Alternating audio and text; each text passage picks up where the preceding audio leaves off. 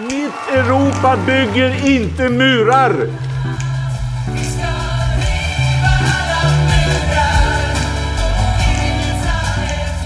Syftet med de åtgärder som vi nu presenterar är att skapa ett andrum för svenskt flyktingmottagande. Mycket av det som regeringen sa igår ställer ju oss vi positiva till och vi tror också att en del av det kan dämpa trycket. Men vi är fortfarande oroliga för att det inte kommer att vara tillräckligt. Snälla, gör inte det här. Splittra inte familjer. Utsätt inte människor för ännu större risker.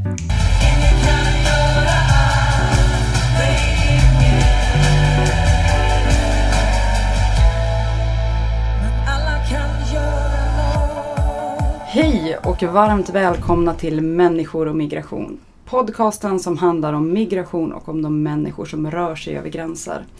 Jag som pratar nu heter Maja Dahl och jag är kommunikationsansvarig på Arena Idé som ger ut den här podcasten.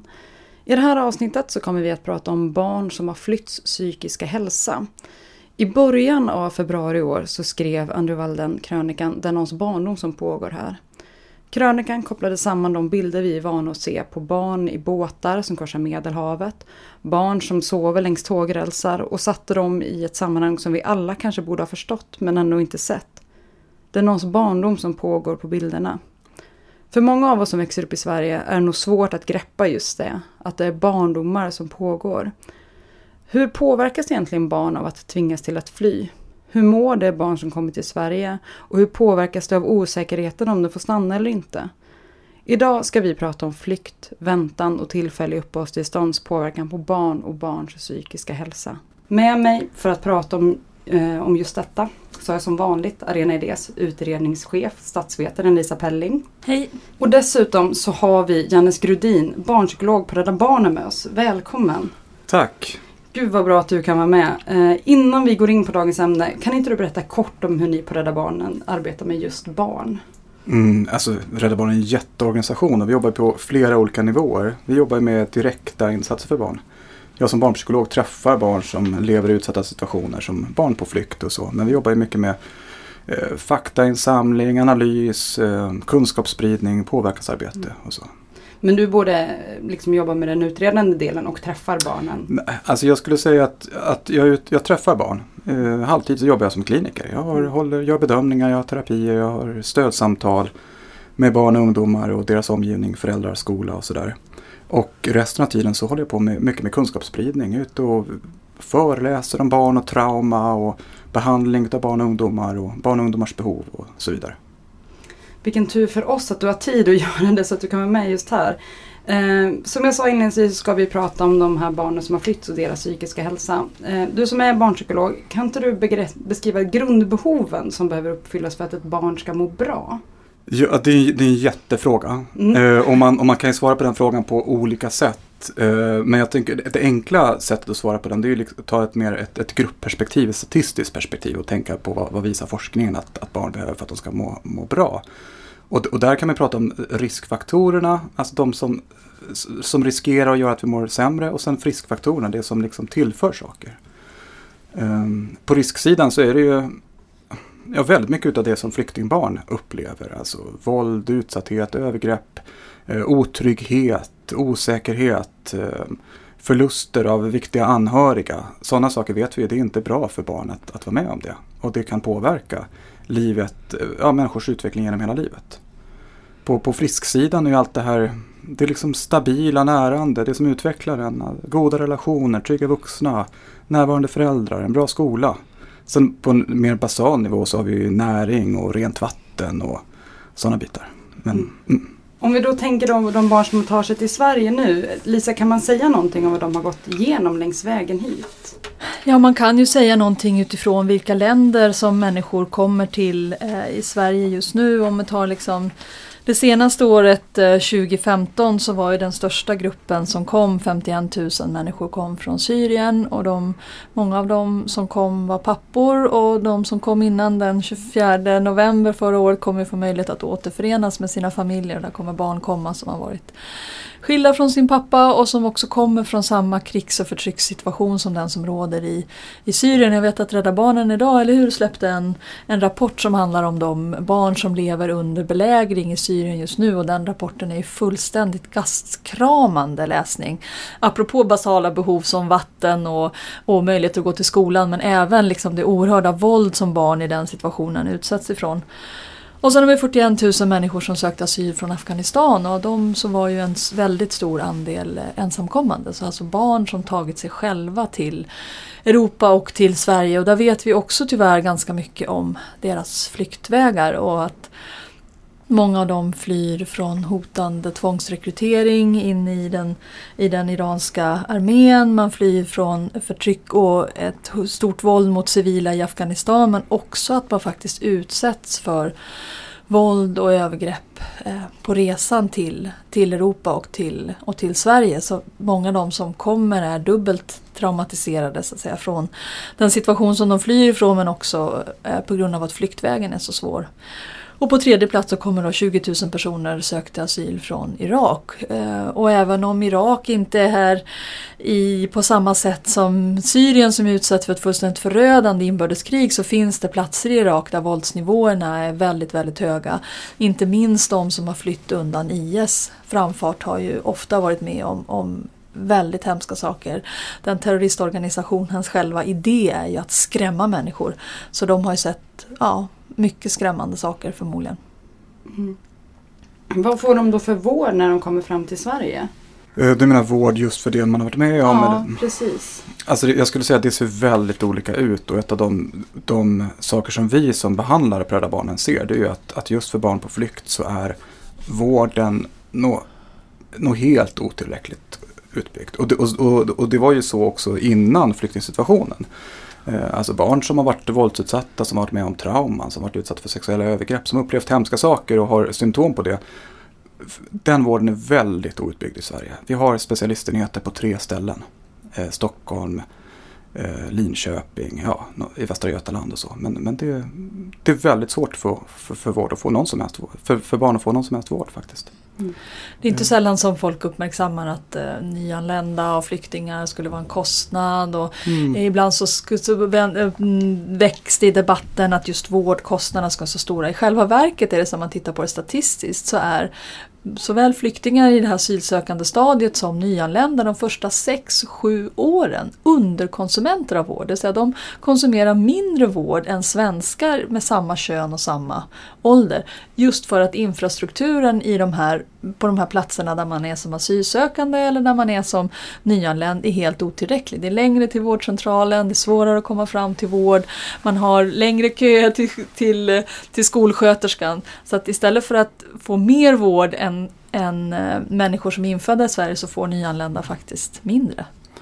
Och, och, man kan inte säga att, att det, det, är klart att det ser väldigt olika ut. Vissa enheter, vissa enskilda professionella gör ett fantastiskt jobb. Men som land så är det inte så att vi har mobiliserat vårdapparaten för de här barnen. Ehm, det finns en del satsningar på gång men, men det är långt ifrån tillräckligt om vi, om vi försöker räkna på hur stora behoven faktiskt är. Vad vi vet om hur många barn som är drabbade av svåra händelser och symptom på det. Mm. Ja, för många hamnar ju och, ofta på asylboenden kanske långt upp i Sveriges innanland och där det kanske inte finns så nära då till en av de här traumaenheterna. Nej. Hur händer det ändå att de kan liksom komma till er som är specialister inom området? Hur dåligt måste det barnet må för att komma liksom ihopkopplade med er? Jag, jag skulle säga att Menar du ihopkopplade med vård eller ja, generellt? Med, eller? Ja, med er. För jag tänker med de specialisttraumenheter som finns. Ja, Alltså vi på Rädda Barnen vi finns ju bara på ett par få, mm. få, få ställen. Vi är så små så att vi, vi är bara en liten droppe i havet kan man säga. Eh, med de insatser vi kan göra. Men, men, men visst, vi ser ju att alltså behovet är väldigt mycket större än vad tillgången ser ut. Och, och så var det också för, för vilka barn som helst i Sverige. Alltså har du, har du trauma eller PTSD-symptom då är det svårt att få tillgång till, till rätt vård. PTSD är som posttraumatisk po stresssyndrom. Förlåt, ja. precis. Posttraumatiskt stresssyndrom. Ja. Uh, om vi då går vidare och tittar lite grann på, nu vet vi lite mer om vad ett barn behöver och också hur svårt det kan vara att få vård uh, för sina behov.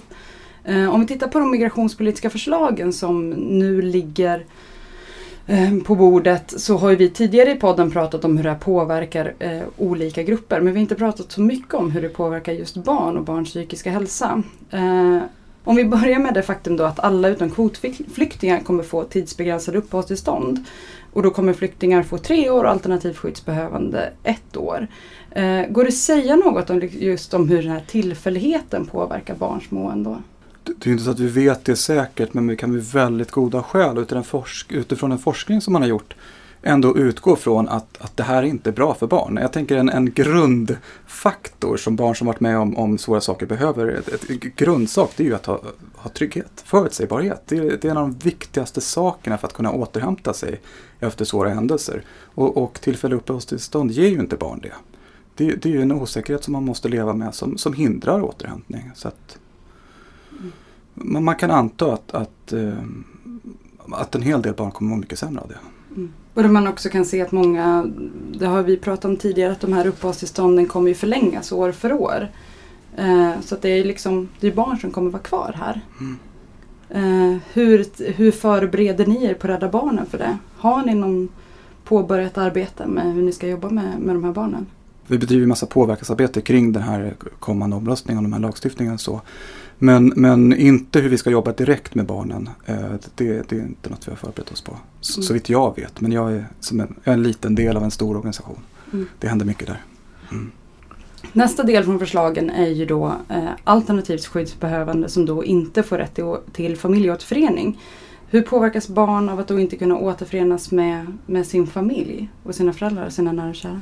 Mm, jag tänker också att, att ja, också det är en sån här grundfaktor. Vad är, det, vad är, vad är på något sätt den, den, psykologiska första hjälpen? Vad är det första man kan göra för att stötta människor som har varit med om svåra händelser och som har en, befinner sig i en tuff situation? Ja, men det är ju saker som trygghet, skydd, eh, återförening med anhöriga, socialt stöd, att se till att mamma och pappa finns nära och kan ta hand om en.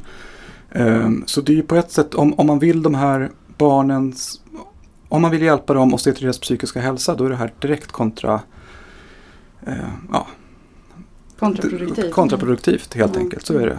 barn behöver sina föräldrar och, det finns, och barn behöver socialt stöd och social trygghet. Mm. Mm. Jag, jag, tänker så här att sammantaget det här att eh, tillfälligt uppehållstillstånd blir själva grundregeln. Det är en försvinnande liten del som kommer att få permanenta uppehållstillstånd. Det är enbart de som är kvotflyktingar enligt FNs system för vidarebosättning och det handlar om ungefär 2000 personer per år. Regeringen har en ambition om att höja det till 5000 men det är ändå en försvinnande liten del. Alla får tillfälliga uppehållstillstånd. Kombinerat med att det blir så oerhört mycket svårare att återförenas med sin familj gör att man med fog kan säga att de här förslagen är direkt riktade mot barn. Alltså barn är är den grupp av alla grupper som, som drabbas värst av, av den här eh, föreslagna politiken. Och, och du, tillfälliga uppehållstillstånden är, är det här som, som du säger, det berövar barn den grundtrygghet som man behöver för att våga hoppas på att man kan må bättre, att det kan bli bättre, att ja, man vågar investera i skolan, i relationer, vågar liksom känna trygghet som är själva förutsättningen också för att man ska må bättre psykiskt. Men sen när det gäller familjeåterförening så kommer det också handla om barn som bor här som inte får återförenas med sin mamma till exempel. Man har sett ganska många exempel, inte minst i pressen, på att pappa har tagit med sig ett barn eller två barn. För man avlastar mamma som måste vara kvar i Turkiet eller Libanon. Men man kan inte ta med sig hela familjen. Ja, det handlar ju om barn som då åtminstone för de närmaste tre åren måste leva utan sina syskon och utan sin mamma. Hade man inte psykiska problem innan så det är klart att, att risken är väldigt stor att man kommer att må väldigt dåligt bara av det här faktumet. Det skulle ju, vilket barn som helst som hade en enormt grundmurad grundtrygghet skulle skulle må, må dåligt av det. Och då, då, ska man uppmärksamma någonting som Röda Korset också uppmärksammar i sitt rasande remissvar på, på, på den här eh, lagrådsremissen och det är ju att man inför ett väldigt strikt krav på eh, försörjning. Alltså att den person som har rätt till familjeåterförening måste ansöka om det inom tre månader och det vet vi att det är väldigt svårt för det handlar inte om att ansöka, det handlar om att lämna in en komplett ansökan. Man ska ha vigselbevis, födsloattest, allas eh, identiteter ska vara liksom dokumenterade. Många kommer inte att klara det och då är det ett försörjningskrav som inte bara handlar om att den person som är i Sverige ska kunna försörja sig utan den personen ska också kunna försörja hela familjen. Och det här gör ju att även de som har rätt till familjeåterförening i praktiken inte kommer att kunna återförenas med sin familj. Så det, jag skulle säga, det är direkt riktat mot, mot barn och barnfamiljer. Mm. Då kan man ju tänka sig att föräldrarna hamnar i en väldigt pressad situation. Eh, just med de här stärkta kraven. Eh, och att man då kanske lever åtskilda från sin, sin partner och ett annat barn. Hur liksom reagerar barn på när föräldrarna också mår dåligt? Alltså, jag kan ju tänka mig att man kanske inte mår jättebra men ser ni, ni, ni mycket av det att man liksom tar på sig kanske ansvar att få föräldern att må bättre och har olika sådana liksom mekanismer för att hålla uppe en god stämning i familjen?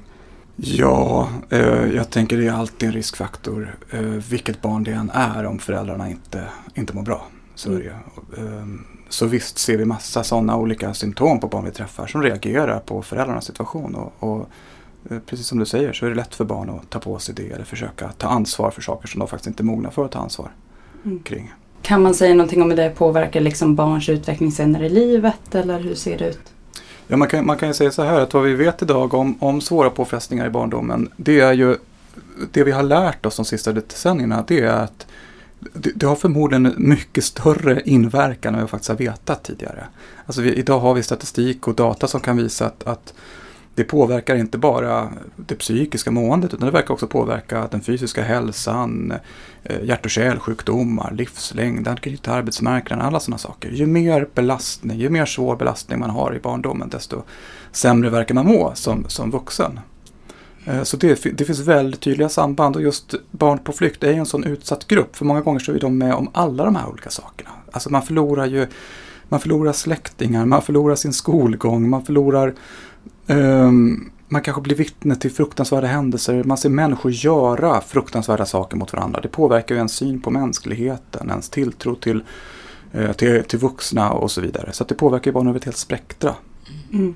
Samtidigt så ska man ju vara, tänker jag också, ja, du får rätta mig om jag har fel, men jag, jag tänker mig att det man har lärt sig också är att barn är ganska motståndskraftiga i betydelsen att det går att hjälpa barn till ett gott liv om man får vård.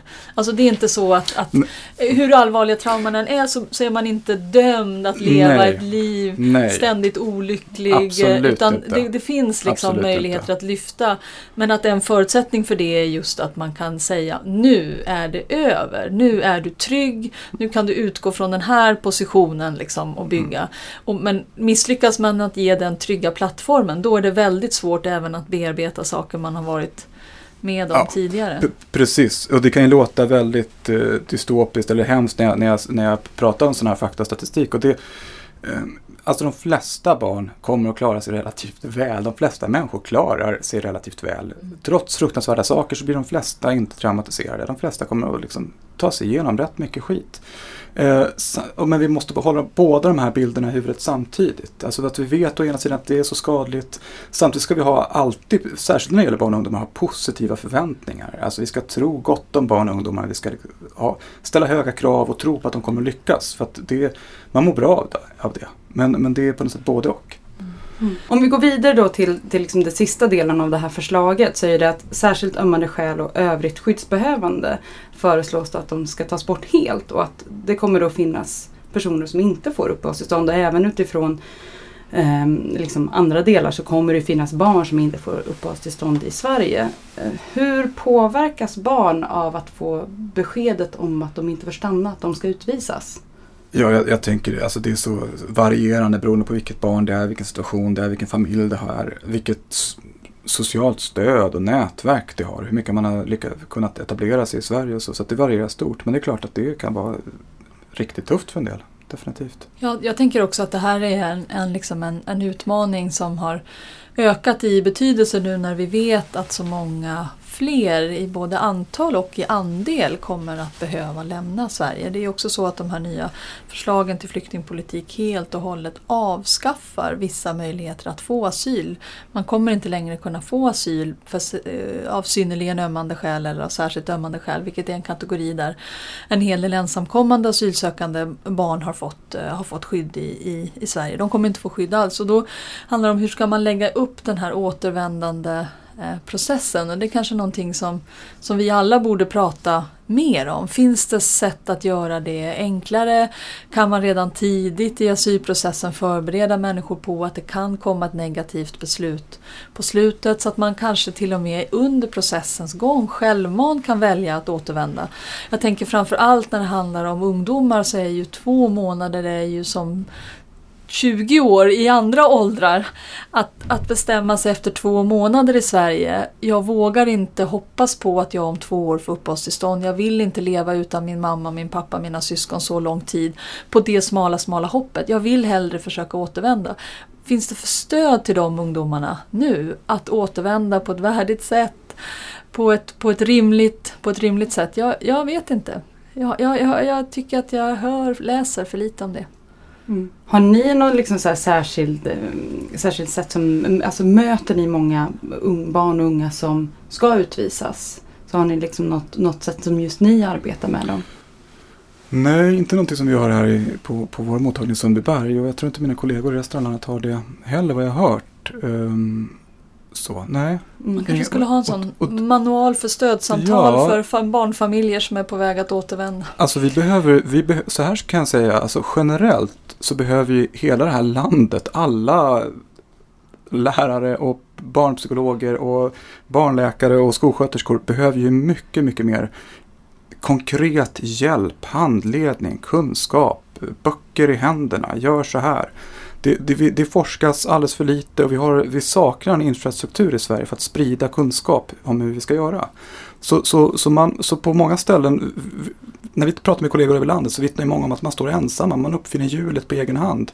Man får inte hjälp med metoder för sådana här saker. Eller det finns ingen som har det ansvaret för implementering av kunskap. Så det är ju någonting som jag verkligen skulle efterfråga och vi behöver en uppfinningsrikedom för vi sitter ju i en situation där många barn riskerar att fara väldigt illa och vi behöver göra allt vi kan för att, att motverka det. Mm. mm. Samtidigt som det är ett väldigt svårt område. Det, det har ju inte minst eh, Svenska kyrkan och andra som engagerade sig i det projekt som Migrationsverket kallade rättssäkert och effektivt eh, verkställande av avvisningar, det vill säga REVA, som ju mm. fick Eh, väldigt dåligt rykte eftersom det kopplades ihop med inre utlänningskontroller som gjordes då ungefär eh, samtidigt. Så det väcker ju liksom väldigt mycket känslor. Ska ju göra det också för det är ju liksom den brutala konsekvensen av att vi väljer att reglera invandringen till Sverige på ett visst sätt. Att människor som vi kanske i den allmänna rättsuppfattningen, den allmänna humanitära uppfattningen inte tycker borde avvisas, ändå måste avvisas. Mm. Men, men det ger ju ingen så att säga, frisedel för alla som du säger som möter barn i vardagen att, att lära sig mer om de här frågorna och att engagera sig i dem också. Nej, för det, för det är ju det är en utmaning. Alltså, jag tänker att de flesta människor som, som blir som jobbar inom vården eller skolan gör ju det för att man vill hjälpa ungar. Det, det, det är det som motiverar en och så möts man av den här brutaliteten som det ändå är. Alltså, så, alltså när, när barn utvisas och tvingas leva under jorden och är med om hemska saker och uh, väntar på uppehållstillstånd. Det är en brutalitet. Um, och, det, och det gör ju också någonting med en när man, när man försöker hjälpa ungar i det. Eh, det, det, blir också en, en, en form av utmattning eller förtvivlan hos alla oss som håller på med det här. Det, det tror jag att, att eh, beslutsfattare behöver tänka in. För vi vill ju de här ungarna, alltså, man, man har engagerat sig i det, och, men, men, men vi måste också, man klarar inte hur mycket som helst. Nej. Nej. Jannes, när du och jag pratade innan vi ställde oss här i studion så eh, pratade vi, för nu har vi pratat om att det finns dålig infrastruktur för att, för att diskutera och hjälpa barn. Att det finns inte, inte finns liksom ett metodblock hur man kan göra rakt över. Men då pratade vi, innan så pratade vi också om att det kanske inte finns så bra kunskap faktiskt om. Det är så bra forskningsunderlag just kring barns psykiska hälsa. Kan inte du utveckla det, det du sa då? Mm, eh, jag, ska, jag ska försöka göra det. Jag tänker att, att Alltså det är både och då. Alltså att å ena sidan så, så är, är barn som grupp dels, dels vad gäller psykisk hälsa, det är, ett, det, det är ett område som är underprioriterat. Vi forskar, det har väldigt stora konsekvenser för, för det, människor som drabbas, men i hela samhällsekonomin. Eh, vi, vi forskar på det i alldeles för liten utsträckning. Eh, det särskilt gäller barn. Och än mer då särskilt barn som är utsatta. Så att, vi, vi producerar alldeles för lite kunskap, det är den ena. Det andra är ju att när det finns kunskap, om det så finns kunskap i andra länder, att man har forskat i USA eller England eller så, vi skulle kunna använda oss av den, så har vi i Sverige ingen infrastruktur, alltså då menar jag lands, ta, hitta på ett landsting i Sverige någonstans. Har ingen, trots att Socialstyrelsen då ställer krav, eh, Statens beredning för medicinsk utvärdering ger rekommendationer om vilken form av behandling man bör, bör erbjuda och så vidare, så finns det ingen institution som ansvarar för att hjälpa folk att implementera den kunskapen. Alltså, hur, säg att man sitter på en BUP-mottagning i Dalarna och behöver lära sig nya metoder för att möta nyanlända barn, om man inte har gjort det förut. Man behöver lära sig traumabehandling. Vem i Sverige hjälper de här behandlarna att, att ta till sig den kunskapen? Eh, där saknar vi Ibland saknar vi faktiskt kunskap och ibland saknar vi faktiskt bara infrastrukturen.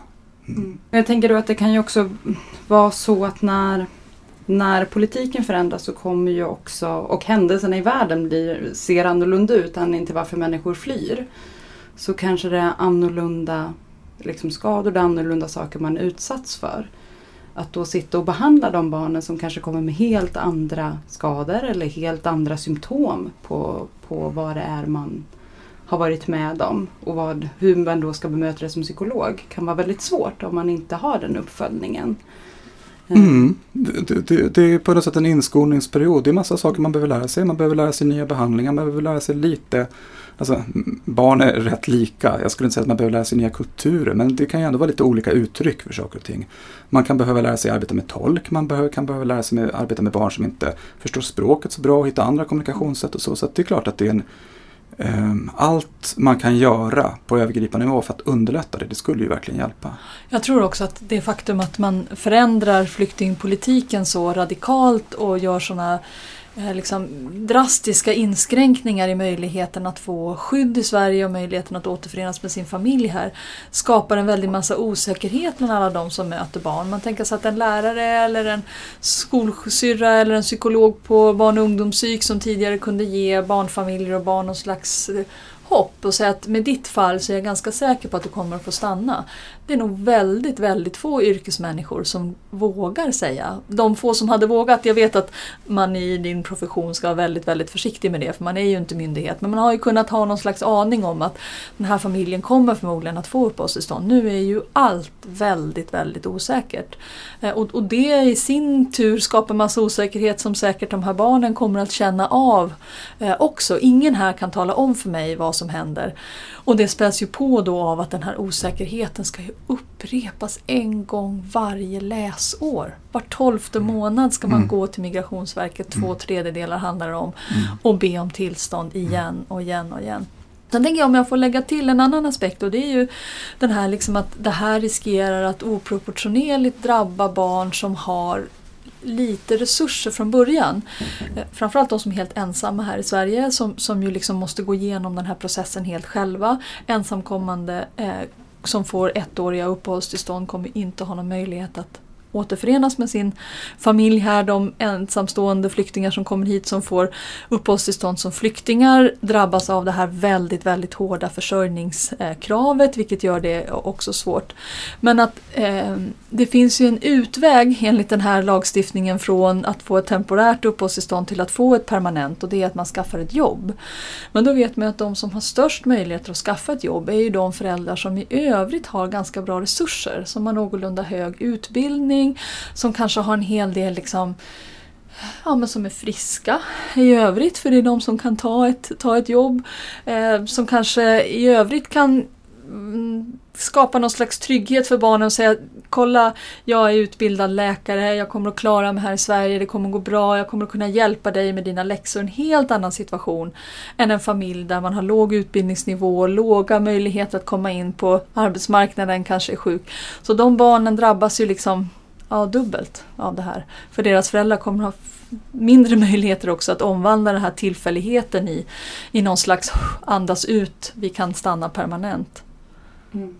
Jag tänker, du säger där en intressant grej liksom inledningsvis Lisa som, som slår mig först nu egentligen. Alltså just det här att det nu blir tillfälligt för så många. Ni barnpsykologer har ju för de allra flesta barn behandlat utifrån en permanent situation.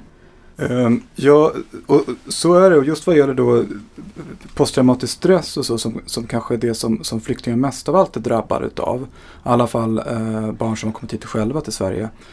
Så, så brukar ju ett, ett ehm, alltså kriterium för att kunna inleda behandling, det ska vara ska någorlunda stabilt. För att det är så jäkla jobbigt att gå igenom den här behandlingen. Det är så jäkla jobbigt att prata om vad de har varit med om och så. Så, att, så att det i sig så brukar vi först vilja att så här, ja, men det, är lugnt, det, det, är ordning och reda någonstans, det är lugnt någonstans. Eh, för då kan ungdomen våga eh, och man, man kan på något sätt eh, övertyga barnet om att det kommer att kunna bli bättre av, av, att, av att göra det här tuffa. Det, det tänker jag, hur, hur, gör vi nu? Liksom? Hur ska vi kunna hjälpa dem med de här svåra symptomen om man ska leva i den här otryggheten hela tiden? Det, det, det, kommer, det förändrar situationen rätt ordentligt. Det är klart att vi måste göra någonting, vi måste göra det vi kan. Men, men, men riktigt vad, det blir lite oklart. Mm. Mm. Eh, men om vi går vidare då så en, en fråga som var jättestor på liksom början av 2000-talet var ju att det diskuterades väldigt mycket kring de apatiska barnen. Alltså barn som inte var kontaktbara, de åt inte. Eh, och det här blev en jättestor politisk och medial debatt i Sverige. Eh, om, och det var diskussion om de här barnen som de kanske fejkade eller om, om de var sjuka på riktigt och framförallt då hur den här frågan skulle hanteras. Numera så pratar man kanske lite mer om då uppgivenhetssyndrom som det här egentligen handlar om. Eh, och det har kommit en del rapporter om att de, det antalet barn med uppgiv, uppgivenhetssyndrom har ökat igen. Eh, och i och med de här nya lagförslagen eh, så, så kommer det här påverka barn som vi då har diskuterat väldigt mycket. Eh, finns det en risk nu att i och med att det blir de här tillfälliga uppehållstillstånden, i och med att det sätts hård press på barn, att vi kommer se ett ökat antal barn med uppgivenhetssyndrom igen? Jag skulle säga att det är väldigt svårt att svara på den frågan. Däremot så är det någonting som man kan lära sig av, av den frågan är ju att det verkar ju Eh, vara så att det finns faktorer i uppgivenhetssyndromen som är direkt relaterade till själva asylprocessen. Ju mer svårbegriplig, ju mer utdragen, ju mer osäker den är desto, desto liksom större risk för barn att, att utveckla den här typen av liksom uppgivenhetssyndrom. Och, och, och det är vi ju på ett sätt på väg att återinföra. Dels den osäkerhet som följer med en ny lagstiftning innan man lär sig att tolka den, förutse den någorlunda. Men sen är det det här med tillfälligheten, att uppehållstillstånden ska eh, eh, förnyas varje läsår, var tolfte månad för de allra, allra flesta, för några få eh, vart, eh, vart tredje år. Att, att det, kommer att, det kommer att påverka. Samtidigt så eh, vad jag har förstått, eh, min pappa är barnpsykiater i Uppsala, så har man också under de här åren lärt sig ganska bra hur man ska behandla och det är säkert någonting som du Jannes vet, vet mera om kanske. Att, att eh, det som var ganska handfallet i början är, är konkret men också att det handlade väldigt mycket om att ge de här barnen hopp, tillförsikt, trygghet, rutiner gå upp på morgonen, gå till skolan, det är värt det, den här dagen kommer att bli en bra dag även om inte, du inte kan överblicka hela livet så kan du gå upp och äta frukost nu. Eh, och den typen av hopp och tillförsikt är kanske ännu svårare att ge nu än, än tidigare. Har vi lärt oss? Vad säger du? Jag, jag, jag, vet faktiskt inte. Jag har inte så mycket erfarenhet av, eller jag har ingen erfarenhet av att jobba med barn med uppgivenhetssyndrom. Dels för att jag, jag var inte med, jag var inte färdigutbildad på den när det var som flest. Och sen har vi specialistenheter som gör det idag. Men jag tänker det på, det, på det Lisa säger, att men det viktigaste i alla sådana här äh, situationer där barn far illa, mår dåligt, har varit med om svåra händelser, det är just det här skapa hopp, skapa trygghet. Eh, se till att man får vara med de som betyder något för en. Vara med mamma och pappa eller syskonen eller de som ger en det sociala stödet. Och just det att skapa tillförsikt, att, att hjälpa unga att stiga upp från sängen, att aktivera sig trots att det känns svårt. Det är så vi motverkar depressioner. Det är sådär, ja men kom igång, gå till fotbollsträningen, gå till skolan. Eh, sitt inte på, inne på ditt rum och, och, och dra dig undan. Och lite vad, vad ska vi locka med nu? Det, det, det är klart att det här kommer att påverka både barnen framför allt men också så här, hur, hur vi jobbar med de här barnen. Eh. Det jag kan tänka också så här, när man just man pratar med om de här barnen som kanske då har det som allra värst, alltså de som då lider av det här uppgivenhetssyndrom. De av de som inte kommer få stanna kommer vi heller, heller inte kunna följa vad som, vad som händer. Jag, om man tänker på de apatiska barn, barnen mitten av 2000 så utvisades ju många av dem. Eh, och vi vet ju faktiskt inte hur de mår idag och vad som hände med dem. Eh, att det kan bli ännu svårare för oss att, att faktiskt lära oss av de här processerna. Mm. Ja, man kan tänka sig att, ja, att det kan vara en uppföljning. Jag, jag, jag tänker också väldigt mycket på nu när så många ska återvända och vi hoppas ju att det är liksom tillfälligt att vi har den här typen av lagstiftning som tvingar så många att återvända som vi egentligen tidigare har gett skydd och gett en framtid här i Sverige. Om, om det är så att man liksom ska uppmuntra skolklasser och fotbollsföreningar och så att verkligen hålla kontakt. Att tänka att uh, det, liksom, det blev ett annat liv för dig. Du hade hoppats på ett liv här i Sverige och det blev ett annat liv. Du är tvungen att återvända till Afghanistan eller till Syrien, gud förbjude. Men det kan ju bli så också. Men det kan bli ett gott liv ändå och du kan hålla kontakt med oss i laget eller med oss i klassen. Jag vet inte om vi har tänkt tillräckligt mycket så. Det är som på något sätt att det är allt är stanna här och får man inte det då är sagan slut. Och så är det ju inte. Eh, och människor har, bygger band med varandra och relationer att det också kan stödja de här barnen i att ja, de här som man har lärt känna och, och tycker om här i Sverige finns liksom kvar i livet även om livet ja, blev ett, ett annat. Det är bara en fundering. mm. Nu pratar vi ändå liksom framåt. Eh, och om vi tänker då i termer som jag inledde med att det här är, det är någons barndom. Um, och det känns ju väldigt frustrerande när vi pratar om de här barnen och uh, att det är barndomar som vi alla haft. Som de ser väldigt annorlunda ut för oss alla. Uh, och det känns väldigt hopplöst. Men vad, vad kan vi göra framåt? Lisa, du var inne på det, hålla kontakt med de här barnen som inte får stanna. Finns det något mer som privatpersoner i civilsamhället kan göra? Alltså när det här avsnittet sänds så har remisstiden gått ut för att svara på den här lagrådsremissen som ju lägger liksom som det heter, eh, gör det svårare för människor att få uppehållstillstånd i Sverige genom att anpassa EU, Sveriges lagstiftning till miniminivån i, i EU. Så möjligheten att vara liksom ett remissvar är, är förbi men däremot så finns det en jättestor roll för alla de som möter barn som proffs och alla de som i civilsamhället möter barn att, att liksom påminna regeringen och de partier i riksdagen som röstar för det här om, om konsekvenserna. Eh, jag, men jag tänker också att man, att man måste vara så grymt liksom, pragmatisk för barns skull och se finns det någonting man kan göra för att sen lindra konsekvenserna supersnabbt, precis som du säger Anders. lära sig liksom, nya sätt, nya rutiner, nya sätt att se på det här, nya sätt att arbeta. Så det, det är väl liksom det andra, försöka stoppa förslaget om det går går, försöka mildra det om det går och det tredje är ju se till att det bara blir tillfälligt. Alltså redan nu måste vi börja kampanjen för att det här lagförslaget avskaffas sommaren 2019 som politikerna som röstar för det nu lovar oss. Och att det här blir en stor fråga i valrörelsen 2018. Varenda parti måste avkrävas ett löfte om att lagstiftningen avskaffas i maj eller juni då 2019 allra senast. Det vi kan säga just kring datumen är ju att i remissutkastet så står det att det ska utvärderas 31 maj 2018. Det är första datumet då. Mm. Mm. Janne, ska vi alla gå med och bli volontärer, rädda barnen och hjälpa er, till, er i ert arbete eller hur? Vad ser du, vad är ja, steget det, det måste jag säga. Alltså den politiska delen och så är inte riktigt mitt bord. Men däremot så såklart att det finns alltid massa saker alla människor kan göra för att lindra andras um, ja, svårigheter. Att barn ska inte vara ensamma, barn ska inte vara utan socialt stöd, barn ska inte vara utan skolgång, barn ska inte vara utan trygghet. Och där, och där, kan vi, och där finns det ju hur mycket möjlighet till uppfinningsrikedom som helst. Är man förälder på en skola dit det har kommit barn, äh, ja, flyende barn, så kan man engagera sig, se till att, att barnen känner sig inkluderade, får vara med på aktiviteter. Är man med i en idrottsförening så kan man se till att det blir lätt för barnen att komma in där. Är man äh, skolsyster eller skolsköterska så kan man lära sig mer om traumatisering. Jobbar man på BUP-mottagning så kan man lära sig mer om behandlingar. Man kan träna på att jobba med tolk. Alltså det finns, det, det finns hur mycket som helst vi kan göra för att stötta de här barnen. Så, så där ska vi inte på något sätt deppa ihop. Även fast det har varit rätt deppigt det vi har sagt här. Men, men, mm. um, och jag tror inte vi har liksom sett vidden av möjligheter ändå för att stötta och hjälpa barn. Där finns det nog jättemycket eh, möjligheter för nya uppfinningar. Mm. Och jag skulle då bara avslutningsvis säga att gå in och läs om ni inte har gjort det. Läs Anduvaldens text.